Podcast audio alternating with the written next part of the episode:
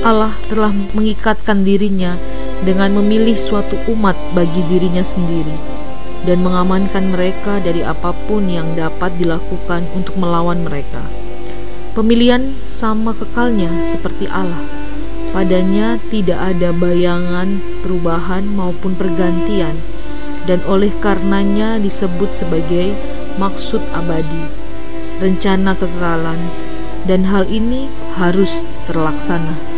Efesus 3 ayat 11 Sesuai dengan maksud abadi yang telah dilaksanakannya dalam Kristus Yesus Tuhan kita.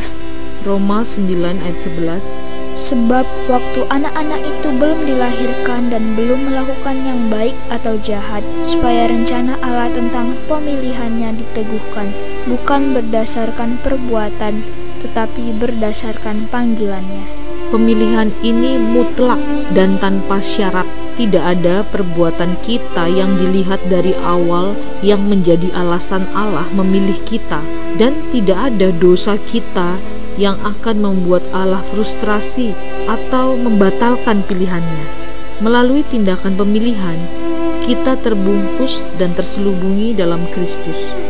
Ia telah memilih kita di dalam Dia, bukan karena diri atau kebajikan kita, sama sekali bukan disebabkan oleh apa pun selain menurut kehendaknya belaka. Efesus 1 ayat 4. Sebab dalam Dia Allah telah memilih kita sebelum dunia dijadikan, supaya kita kudus dan tak bercacat di hadapannya. Pemilihan adalah ketetapan Allah yang permanen untuk memuliakan rahmatnya di dalam bejana-bejana belas kasihannya yang sudah dipersiapkan sebelumnya.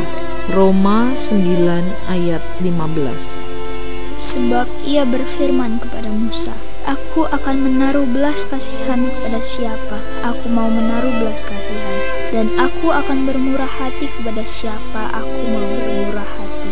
Oleh tindakan kasih yang memilih, dapat disimpulkan bahwa segala sesuatu akan bekerja sama untuk mendatangkan kebaikan bagi mereka yang dipanggil sesuai dengan kehendak kekal Allah. Roma 8 ayat 28 kita tahu sekarang bahwa Allah turut bekerja dalam segala sesuatu untuk mendatangkan kebaikan bagi mereka yang mengasihi Dia, yaitu bagi mereka yang terpanggil sesuai dengan rencana.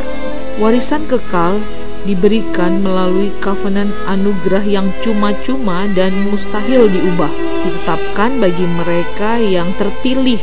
Penetapan ini mengamankan mereka dari bahaya dosa dan kedengkian iblis Perjanjian ini dimeteraikan oleh darah pembela kita, Tuhan Yesus Kristus.